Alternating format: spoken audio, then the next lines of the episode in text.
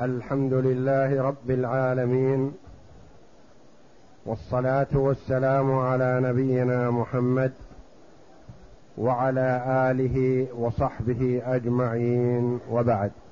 بسم الله. بسم الله الرحمن الرحيم. الحمد لله وحده والصلاة والسلام على رسول الله نبينا محمد وعلى آله وصحبه أجمعين. قال المؤلف رحمه الله باب العارية. باب العارية.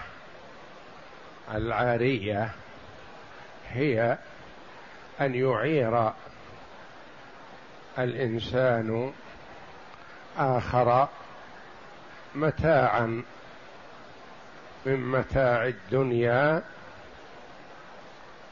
يستفيد منه وينتفع به ثم يعيده بعينه. يختلف عن القرض ويختلف عن الهبة ويختلف عن الأبواب الأخرى. هذا ينتفع بهذه العين ويعيدها. وهي ثابتة في الكتاب والسنة وأجمع العلماء على مشروعيتها. في قوله تعالى أرأيت الذي يكذب بالدين؟ فذلك الذي يدع اليتيم ولا يحض على طعام المسكين. فويل للمصلين الذين هم يراءون الذين هم عن صلاتهم ساهون الذين هم يراءون ويمنعون الماعون. قال جمع من الصحابة ومن علماء السلف هذا في العارية. يمنعون الماعون يعني ما يعير الحاجة التي يحتاجها أخوه المسلم. فذم الله جل وعلا من يمنع العارية فدل على مشروعيتها. والنبي صلى الله عليه وسلم استعار فرسا واستعار أدرعا من صفوان ابن أمية عام الفتح عند خروجه صلى الله عليه وسلم لغزوة حنين. فقال صفوان أغصبا يا محمد قال النبي صلى الله عليه وسلم بل عارية مضمونة وفي رواية عارية مؤدات. عارية يعني ننتفع بها ونردها عليك. وأجمع المسلمون على مشروعيتها لما فيها من الإرفاق. فالإنسان يحتاج في بيته ماعون لحاجة عارضة. يشق عليه أن يشتري هذا الماعون بثمن غالي فيستعيره من أخيه المسلم ويعيده. يستعير قدرا صحنا. يستعير دلوا يستعير شيئا ما حبل. وهكذا. والله جل وعلا يقول وتعاونوا على البر والتقوى ولا تعاونوا على الإثم والعدوان. وهذا فيه تعاون لأن الإنسان قد يحتاج إلى قدر مثلا قيمته خمسمائة ريال حاجته عارضة ساعة مرة كما هو معروف. فيصعب عليه أن يشتري هذا القدر بهذا المبلغ وحاجته عارضة لمناسبة ما مثلا فيستعير ممن هو عنده ويرده عليه بعد سويعات. فينتفع به ويرده كما هو. وهذه من تبادل المنافع. بأن هذا يستعير من هذا وهذا يستعير من هذا ونحو ذلك. يستعير منه لباس يستعير منه فرس يستعير منه بعير حمار يركبه إلى مكان ما ويرده. فالناس محتاجون إليها. ومشروعيتها من باب التعاون على البر والتقوى.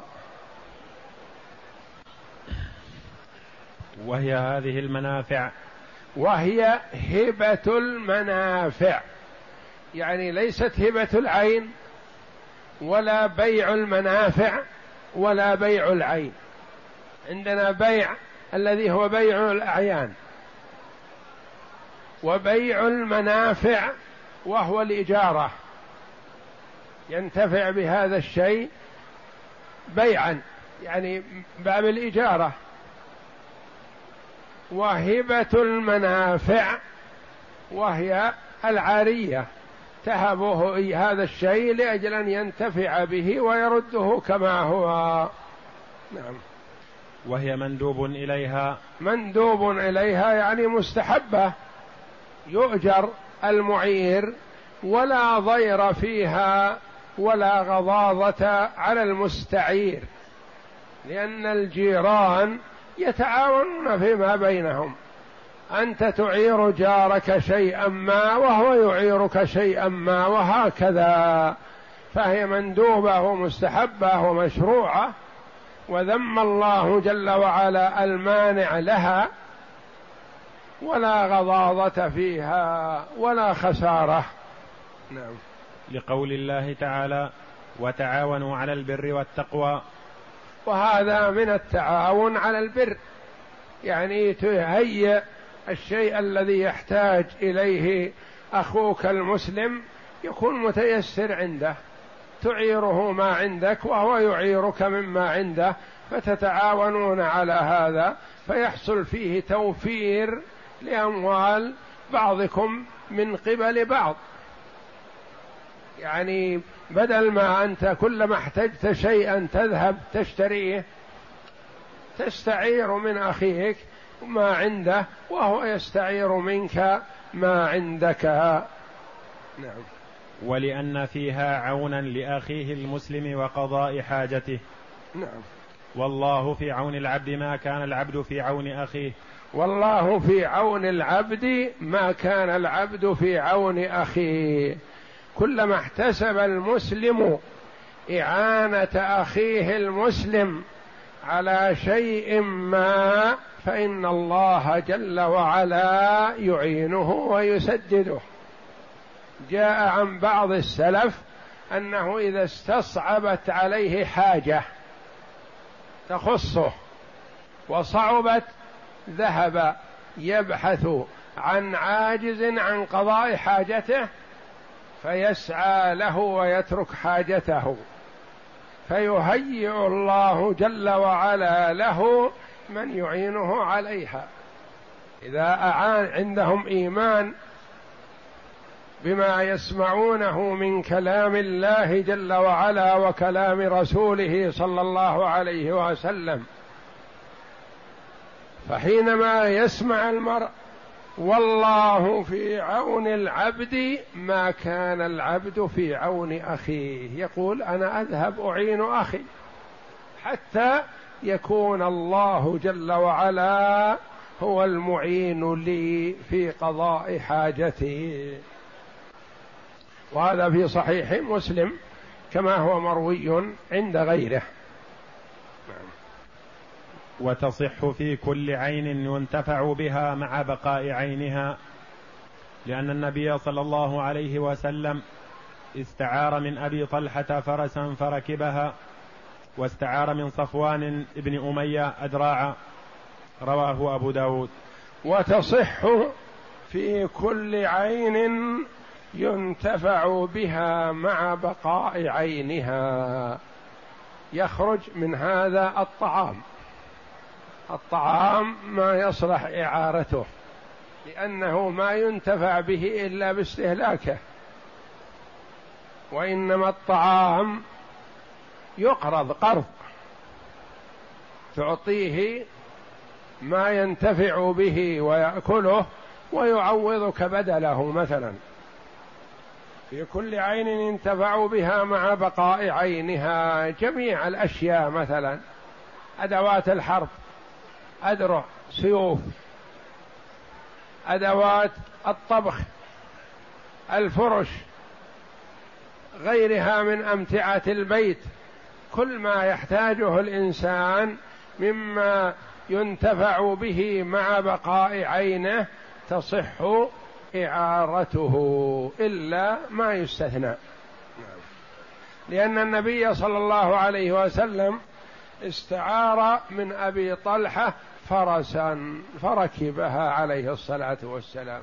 احتاج إلى فرس فاستعارها من أحد من الصحابي رضي الله عنه من أبي طلحة فركبها وردها بعد ما انتهى منها. استعار من صفوان ابن أمية أدرع لأن عنده دروع معدة للحرب. وصفوان من مسلمة الفتح. ولذا قال أغصبا يا محمد؟ تأخذها مني؟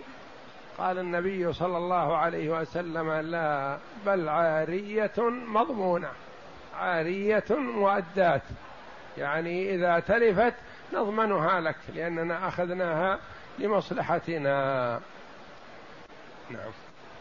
وسئل عن حق الإبل فقال إعارة دلوها وإطراق فحلها.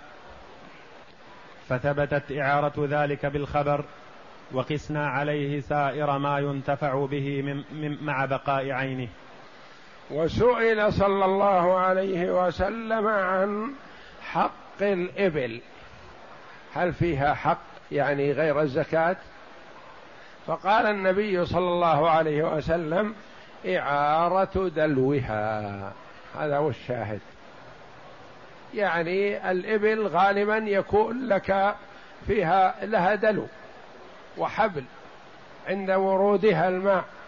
فمثلا انتهيت أنت ووردت إبلك تعير الدلو لأخيك المسلم الآخر الذي ليس عنده دلو. وكذلك أنت عندك إبل تحتاج إلى طراق الفحل ما عندك فحل. فتستعير الفحل من أخيك لطراق إبلك أو بقرك ونحو ذلك. نعم. فثبت إعارة ذلك بالخبر يعني بالأحاديث من قول النبي صلى الله عليه وسلم مثل هذا ومن فعله باستعارته من صفوان واستعارته من أبي طلحة قولا وفعلا فيقاس عليها ما عداها من الأمور من القدر وغير ذلك. نعم. فيجوز إعارة الفحل للضراب للخبر والكلب للصيد قياسا عليه. أردت أن تخرج للقنص وليس عندك كلب صيد مثلا فاستعرت من صاحبك كلبه للصيد فلا بأس. استعرت منه حمارا تركبه وترده لا بأس. استعرت منه السيارة تقضي عليها حاجة وتردها وهكذا في سائر ما ينتفع به. نعم. فصل. ولا تجوز إعارة العبد المسلم لكافر لأنه لا يجوز أن يستخدمه. نعم. ولا, ولا تجوز إعارة العبد المسلم للكافر. العبد الرقيق. يكون الرجل عنده رقيق.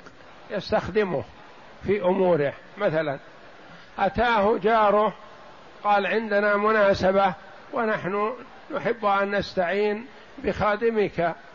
هذا. فقال لا بأس. فيذهب الخادم الذي هو الرقيق مع الجار يخدمه ويهيئ له بعض الأمور. مثلا إذا كان هذا المستعير كافر وكان عندك أرقة مثلا مجموعة منهم الذمي ومنهم المسلم فيجوز أن تعير الكافر رقيقك الذمي لأنه يجوز أن يخدمه لكن رقيقك المسلم تكرمه ويترفع عن أن يخدم الكافر. فلا يجوز أن يستخدمه. وكذلك لا يجوز للمسلم أن يكون خادما عند كافر في منزله يخدمه في شؤونه. قالوا هناك فرق بين أن يكون خادما له في منزله وبين أن يكون موظفا عنده في مكتبته أو مكتبه أو مؤسسته أو نحو ذلك. يجوز في المكتب والمؤسسة لأنه عمل معروف بخلاف خدمة المنزل وتقديم الشاي والقهوة ونحو ذلك. هذا ما يجوز أن يستخدم المس الكافر المسلم. فإذا استعار جارك الكافر مثلا خادمك فإن كان هذا الخادم الرقيق مثلا مسلم فلا يجوز لأنه سيستخدمه. والإسلام يعلو ولا يعلى عليه ولا يجوز أن يبقى المسلم في خدمة الكافر. فإن استعار منك ذميا كافرا مثله فنعم فتعيره ولا بأس. ولا تجوز إعارة العبد المسلم لكافر لأنه لا يجوز أن يستخدمه. لكن إذا استعاره في شيء لا يتطرق لخدمته فلا بأس بذلك مثلا. أو كان عمله الذي استعير إليه ليخدم مجموعة من المسلمين أو ليعمل عملا ما بعيدا عن خدمته فلا بأس بذلك. نعم. ولا الصيد لمحرم لأنه لا يجوز له إمساكه. ولا الصيد لمحرم.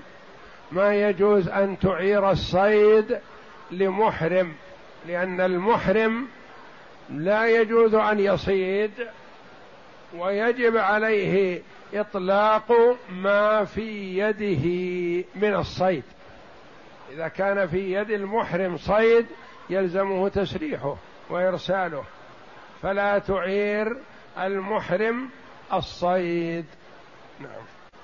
لأنه لا يجوز إمساك ولا الجارية الجميلة لغير ذي محرم منها.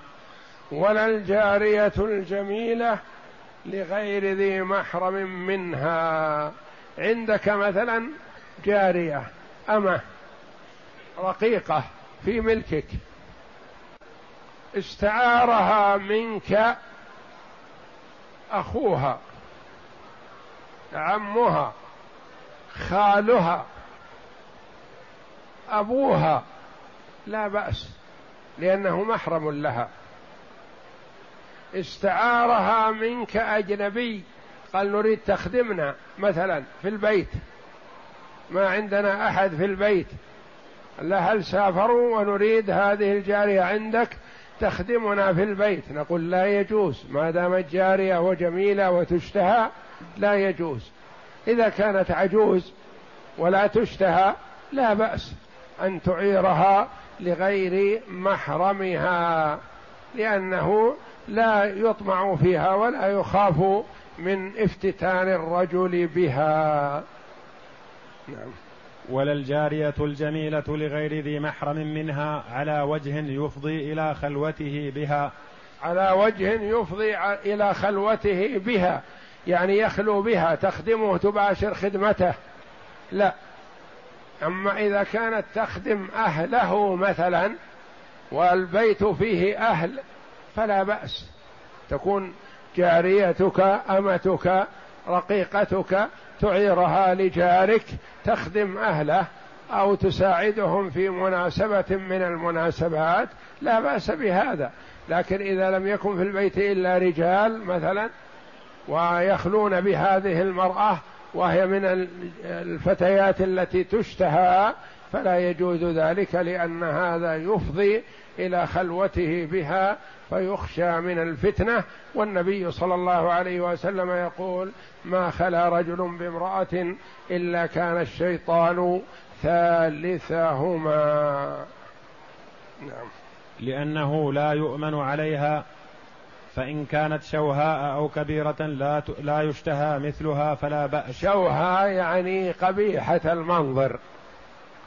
أو كبيرة في السن عجوز لا تشتهى فلا بأس. لأنه يؤمن عليها. لأنه في هذه الحال يؤمن على هذه العجوز. نعم. ويكره استعارة والديه للخدمة. لأنه يكره له استخدامهما فكره استعارتهما لذلك. ويكره استعارة والديه للخدمة.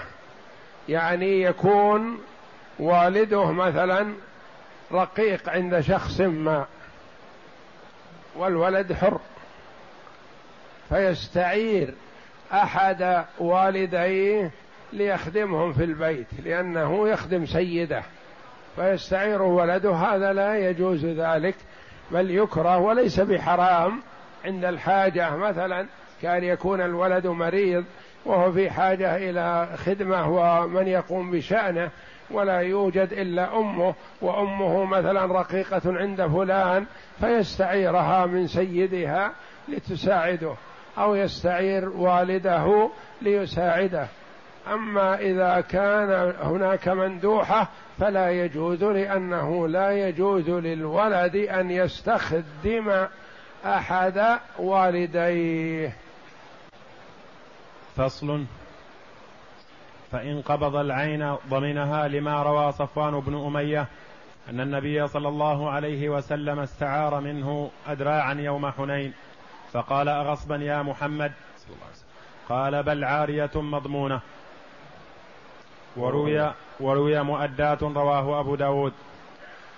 ولأنه ولأنه قبض مال غيره لنفع نفسه لا للوثيقة. فضمنه فرق بين أن يقبض الإنسان مال غيره لمصلحة الغير أو يقبض الإنسان مال غيره لمصلحته هو مصلحة القابض. فاليد الأولى يد أمينة. لا تضمن إذا لم يحصل تعدي ولا تفريط. شخص عنده فرس يريد السفر. فقال لجاره أريد أن أضع فرسي عندكم في البيت لمدة خمسة أيام. فوضعها. آخر قال لجاره عندك فرس؟ قال نعم. قال أحب أن تعيرني إياها خمسة أيام عندي حاجة أريد القضاء عليها. فقال نعم فسلمه الفرس. الأولى جعلت عند الرجل أمانة فتلفت ماتت بدون تعدي ولا تفريط. هل يضمن؟ لا. لأن القابض لها قبضها لحظ صاحبها لا لحظه هو. الآخر الذي استعار الفرس ليركبها إلى مكان ما في أثناء الإعارة ربطها في مكان مناسب لها فلما جاء في الصباح وجدها ميتة. ولم يحصل تعدي ولا تفريط. هل يضمن؟ نعم يضمن. ما الفرق بين هذا وذاك؟ ذاك قبض العين لحظ صاحبها. يقول أنا ما طلبته. هو قال ضعها عندك فوضعتها عندي وما قصرت عليها بشيء. فلما جئت في الصباح وجدتها ميتة. يقول لا ضمان عليك. الآخر يقول أنا استعرتها ما أدريت ولا علمت أنها مريضة. يمكنها مريضة من قبل أو نحو ذلك. قال لا ما عرتك إياها وهي مريضة وإنما أعرتك إياها وهي صحيحة سليمة. وقضيت أنت عليها حاجتك فماتت. فنقول تضمن. لما؟ لأنك قبضت العين لصالحك. مثل هذا سائر الأعيان مثلا السيارة. قال خذ يا أخي هذه السيارة بارك الله فيك وصلها إلى جدة. فأخذها الرجل يريد إيصالها إلى جدة لصاحبها فتلفت في أثناء الطريق فلا ضمان عليه لأنه إذا لم يحصل تفريط أما إذا حصل تعد أو تفريط فهذا في كل شيء يضمون. لكن هذا ساق السيارة فحصل تلف بدون تعد ولا تفريط لا يضمن. الآخر له حاجة في جدة فجاء إلى جاره وقال يا أخي أعرني سيارتك وأردها إليك بعد العشاء إن شاء الله. أريد أن أصل جدة لغرض ما وأعود إن شاء الله بعد العشاء. فأعارها إياه عارية فتلفت في الأثناء بدون تعد ولا تفريط فهي مضمونة لأن الأول قبضها لصالح صاحبها يوصلها له الثاني قبضها لمصلحته هو فيضمن. والدليل على هذا أن النبي صلى الله عليه وسلم لما قال له صفوان بن أمية أغصبا يا محمد؟ قال بل عارية مضمونة. عارية معروفة عند العرب. مضمونة يعني لو تلفت نضمنها لك. نعطيك بدلها أو قيمتها. إن بقيت سليمة رددناها عليك. وإن تلفت رددنا عليك قيمتها أو بدلا منها. نعم. ولأنه قبض مال غيره لنفع نفسه لا للوثيقة فضمنه كالمغصوب. ولأنه قبضها لصالح نف... لصالح نفسه هو لا كالوثيقة. ما قبضها بمثابة رهن لشيء لحظ صاحبها مثلا لأجل البيع. المستفيد هو صاحبها. فإذا كان المستفيد في هذا القبض هو صاحبها فلا ضمان. وإذا كان المستفيد هو المستعير فعليه الضمان. نعم. وعليه وحكمها حكم المغصوب المغصوب إلا أن المغصوب يضمن سواء حصل تعد أو لم يحصل أو تفريط أو لم يحصل. وهذه العارية كذلك مثل المغصوب في الضمان إلا أن المغصوب مقترن بالإثم. لا يجوز ولا يحل المسلم أن يغصب أخاه المسلم شيئا ما والعارية يجوز له أن يستعير نعم. وعليه مؤونة ردها لذلك. وعليه مؤونة ردها لذلك. استعار منه سيارة ذهب عليها إلى جدة. قضى حاجته في جدة فكتب أو اتصل بصاحبه قال أنا خلصت من السيارة. تعال استلمها. قال لا يا أخي أنا سلمتك إياها في مكة وين أجي أستلمها في جدة؟ قال هي تحتاج إلى سائق بأجرة ما يحضرها لك إلا بأجرة. من يدفع الأجرة هذه؟ يدفعها المستعير لأنه يلزمه أن يردها إلى صاحبها في المكان الذي أخذها منه. فإن شرط نفي الضمان لم ينتفي لأنه لأن ما يضمن لا ينتفى بالشرط. لا ينتفي. لا ينتفي بالشرط. وقال أبو حفص العكبري يبرأ لأن الضمان حقه فسقط بإسقاطه. كالوديعة. فإن شرط نفي الضمان قال يا أخي أنا بستعير منك فرسك أو سيارتك أو كذا أو كذا. لكن يا أخي ترى ما أضمنها لو حصل عليها شيء. قال لا ما تضمنها. فحصل عليها شيء هل يسقط الضمان؟ لا ما يسقط لأن الأصل الوجوب. وقال أبو حفص يسقط لأن هذا حقه. وهو أسقطه. وإذا أسقط المسلم حقه من شيء ما سقط. ومثل المسائل هذه الخلافية كما تقدم حكم الحاكم يرفع الخلاف. إذا تنازعوا فمردهم إلى الحاكم. كالوديعة التي تعدى فيها. كالوديعة التي تعدى فيها. أما الوديعة التي ما فيها تعدي أصلا غير مضمونة. لكن وديعة تعدى فيها وقال أنت مسامح فإنه يسقط الضمان. نعم. فإن استخلق الثوب أو نقصت قيمتها لم يضمن لأنه مأذون فيه. فإن استخلق الثوب يعني أعار ثوب جديد عاره مشلح جديد وبدأ يلبسه ليل نهار مثلا فتأثر ثم رده بعد أسبوع. قال لا يا أخي أنت استعرت مني مشلح جديد ثوب جديد هذا ترد عليه خلق؟ ما يصلح. يلزمك ضمان ما نقص أو ترد علي بدلا. فتحاكم إليك فماذا أنت قائل؟ تقول ما عليه ضمان لأنك أنت أعرته إياه. لماذا؟ لينتفع به وقد انتفع به في شيء مأذون به. أما إذا انتفع به في شيء لم يؤذن به مثلا المشلح عادة يلبسه مثلا في المناسبات هذا بدأ يلبسه ليل نهار وينام فيه ويجلس فيه في التراب ونحو ذلك فتأثر. نقول هذا تعدى. يلزمه لأنه تعدى.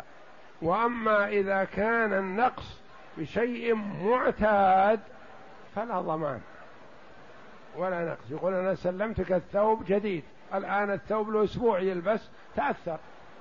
نقول أصلا أنت ما أعرته إياه إلا لماذا؟ لأجل أن يلبسه. فإن كان هناك تعد أكثر فنعم. ما في تعدي فلا ضمان لنقصه لأنه مأذون به شرعا. نعم. لأنه مأذون فيه لدخوله فيما هو من ضرورته. نعم. ولو تلفت ضمنها بقيمتها يوم تلفها. إذا تلفت المعا العارية هذه مثلا أعاره مشلح يبي يلبسه. قيمة هذا المشلح مثلا ألف ريال. فاستمر في العارية عشرة أيام. ثم تلف. سرق. أو سقط في ماء أو في شيء متلف له فتلف وتأثر. فإنه يلزم ضمانه. لكن ضمانه إيش؟ ضمانه متى؟ يوم العارية أو يوم التلف؟ يوم التلف. ما يضمنه إلا بقيمة يوم التلف. لأنه يوم أيام العارية أو يوم العارية الأول ماذون في هذا الاستعمال. فهو أعطاه المشلح جديد على أنه يلبسه لمدة أسبوع. لبسه لما كمل الأسبوع وحفظه جاء ليسلمه لصاحبه تلف. سقط في ماء أو تأثر بشيء ما أو سرق.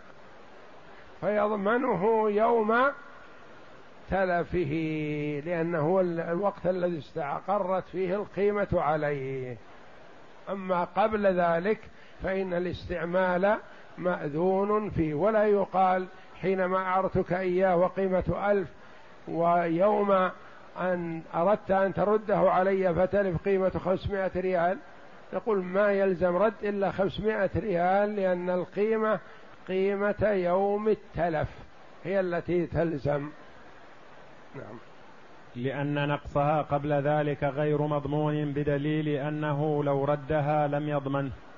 لو ردها وحصل عليها تأثر من الاستعمال العادي ما ضمن لأنه معذور فيه. نعم. فإن تلفت أجزاؤها بالاستعمال كخمل المنشفة ففيه وجهان. نعم. أحدهما لا لا يضمنه لما ذكرنا والثاني يضمنه لأنه من أجزائها فضمنه فيضمنه كسائر أجزائها. فإن تلف منها أجزاء لأن فرق بين الثوب مثلا استعارة فتأثر باللبس فهذا لا يضمنه. ثوب فيه أشياء فيه معلقات فيه شيء مثلا من الزينة تساقطت وتلفت فإن هذه مضمونة. لما؟ لأن هذه أجزاء من المعار. فإذا تلفت ورده فما رد المعار كله. وإنما رد بعضه. مثل مثل بالمنشفه فيها خمل يعني فيها هدب. فتساقط بعض الهدب منها وتغيرت. هل يضمن هذا أو لا؟ هذه اللي فيها قولان. قيل يضمن لأنه تلف جزء منه. وقيل لا يضمن لأنه رد الشيء بعينه وجرت العادة أن هذه الأشياء تتساقط بالاستعمال. نعم. وإن تلف ولد العاريه ففيه وجهان أحدهما يضمنه لأنه تابع لما يجب ضمانه فيجب ضمانه كولد المغصوب والثاني لا يضمن. لأنه لم يدخل في لم يدخل في العارية فلم يدخل في الضمان بخلاف المغصوب فإن ولدها داخل في الغصب. وإن تلف ولد العارية يعني استعار منه فرس أو ناقة أو عنز فولدت عنده وهو استعارها لأجل أن يحلبها. ولد العارية هذا تلف. ولد بعد يومين أو ثلاثة تلف. هل يضمنه أو لا؟ يقول فيه وجهان. الأول يضمنه لأنه جزء منها. انفصل فالمفروض أن يرد الناقة وولدها والبقرة وولدها. والعنز وولدها لكنه ردها بدون ولدها فعليه ضمان الولد. القول الآخر لا يلزمه ضمان يقول لأني ما استلمت منك. أنا استلمت منك ناقة حامل فولدت. فما قبضت منك ولد وليس في عهدتي وإنما في عهدتي الناقة والبقرة والعنز. وأما الولد فأنا ما قبضته منك ولا استلمته. وحصل عليه التلف فلا يلزم. وهذا يختلف عن المغصوب لأن المغصوب اليد الغاصب يد ظالمة. فيلزمها أن ترد كل العين بدون نزول أي شيء. بخلاف يد المستعير فإنها يد ليست ظالمة وإن حكم عليها بالضمان لكنها ليست ظالمة فهو قبض هذه العين على أن ينتفع بها. وانتفع ولم يحصل تعدي فلا ضمان. ولهذا في ولد العارية هل يضمن أو لا يضمن؟ وجهان.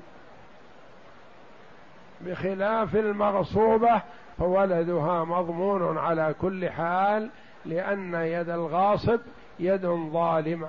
فمثلا لو اغتصبه ناقة عشر ثم ولدت ثم مات الولد ثم رد الناقة المغصوبة على صاحبها يلزمه رد قيمة الولد لأن يده يد غاصب والولد كان فيها مع المغصوبة من ضمن المغصوب ولم يرده فيلزمه قيمته.